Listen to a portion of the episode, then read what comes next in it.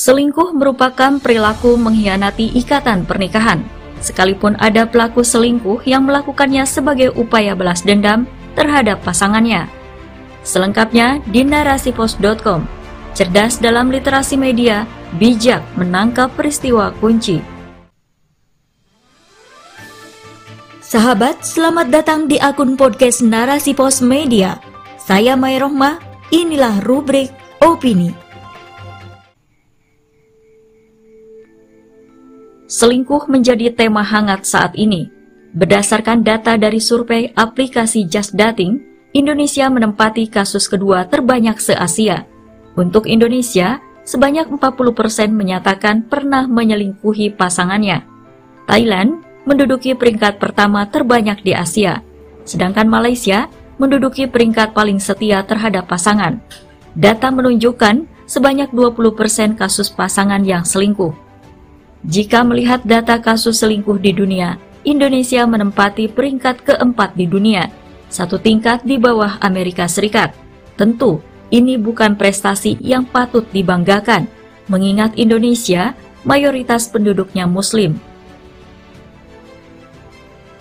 Perempuan sebagai pelaku selingkuh Perempuan dan laki-laki berpeluang sama untuk berselingkuh.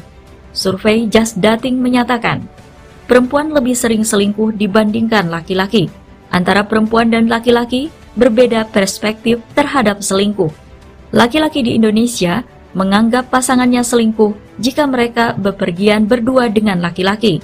Sedangkan perempuan menganggap pasangannya selingkuh jika berkenalan dan saling berkirim pesan di antara keduanya.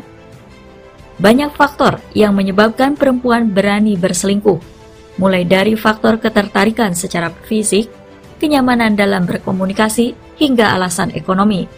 Berbagai alasan tersebut tentu tak dapat membenarkan perilaku selingkuh. Selingkuh merupakan perilaku mengkhianati ikatan pernikahan.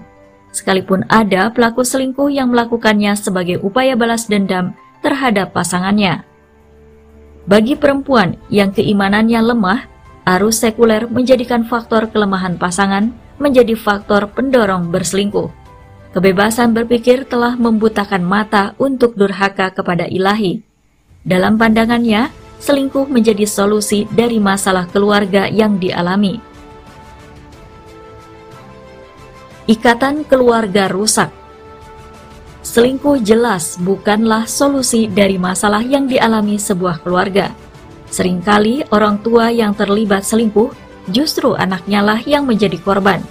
Anak menjadi stres, sehingga tak jarang anak terjerumus ke arah pergaulan bebas dan narkoba.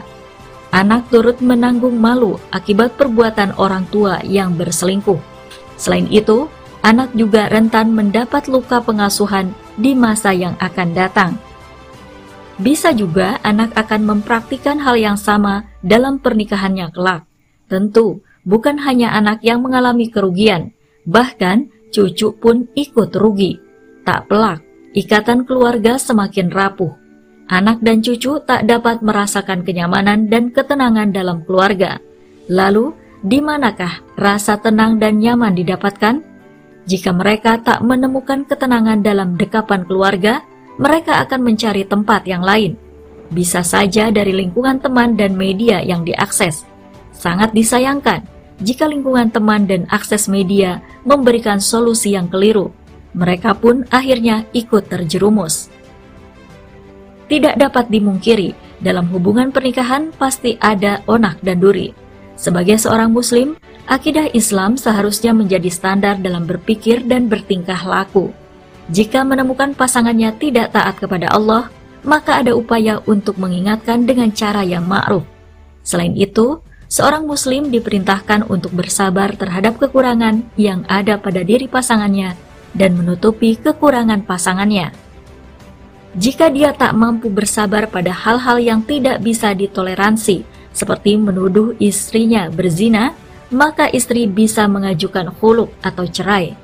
Ataupun karena alasan ekonomi, yakni ketidakmampuan laki-laki memberi nafkah, ini pun menjadi salah satu faktor istri menggugat suami atmosfer sekuler telah mewarnai kehidupan keluarga muslim. Perempuan pun gampang meminta cerai dari suaminya. apalagi jika kehidupan ekonomi perempuan lebih mapan dibandingkan laki-laki.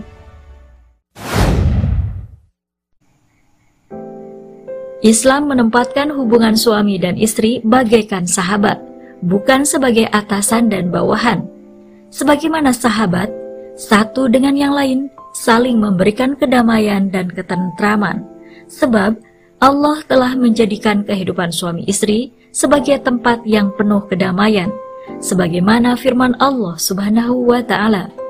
Dialah yang menciptakan kamu dari diri yang satu, dan daripadanya Dia menciptakan istrinya agar dia merasa senang kepadanya. Quran Surat Al-A'raf ayat 189 Pemahaman terhadap syariat dalam kehidupan suami istri mutlak diperlukan. Suami memahami hak dan kewajibannya, demikian juga istri. Suami dan istri berlomba-lomba melakukan yang terbaik di mata Allah. Kehidupan tenang dan damai tidak hanya berusaha diwujudkan oleh pasangan suami dan istri, tapi juga masyarakat dan negara. Negara berperan sebagai pihak yang akan mempertahankan ketahanan keluarga. Negara akan menerapkan sistem pergaulan dengan melarang wanita bertabaruj, yaitu menampakkan kecantikan kepada non-mahram. Melarang ikhtilat atau campur baur laki-laki dan perempuan tanpa keperluan. Melarang kholwat atau berdua-duaan dengan non-mahram dan menjaga pandangan. Selain itu, negara akan membuka lapangan pekerjaan kepada laki-laki, sehingga laki-laki dapat menjalankan perannya sebagai kepala keluarga dan pencari nafkah. Jika ada pelaku selingkuh yang sampai ke perzinaan, maka dihukum dengan hukuman rajam. Jika berkholwat, dikenai takzir. Negara tidak hanya hadir pada saat individu bermasalah, tetapi negara hadir berperan sebagai pengatur urusan umat termasuk urusan ketahanan keluarga. Wallahu a'lam bisawab.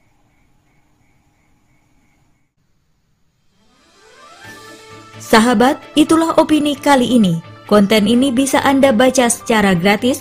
Silahkan kunjungi www.narasipos.com. Terima kasih telah mendengarkan. Saya Maya Rohmah. Sampai jumpa di episode berikutnya. Narasi Pos, cerdas dalam literasi media bijak menangkap peristiwa kunci.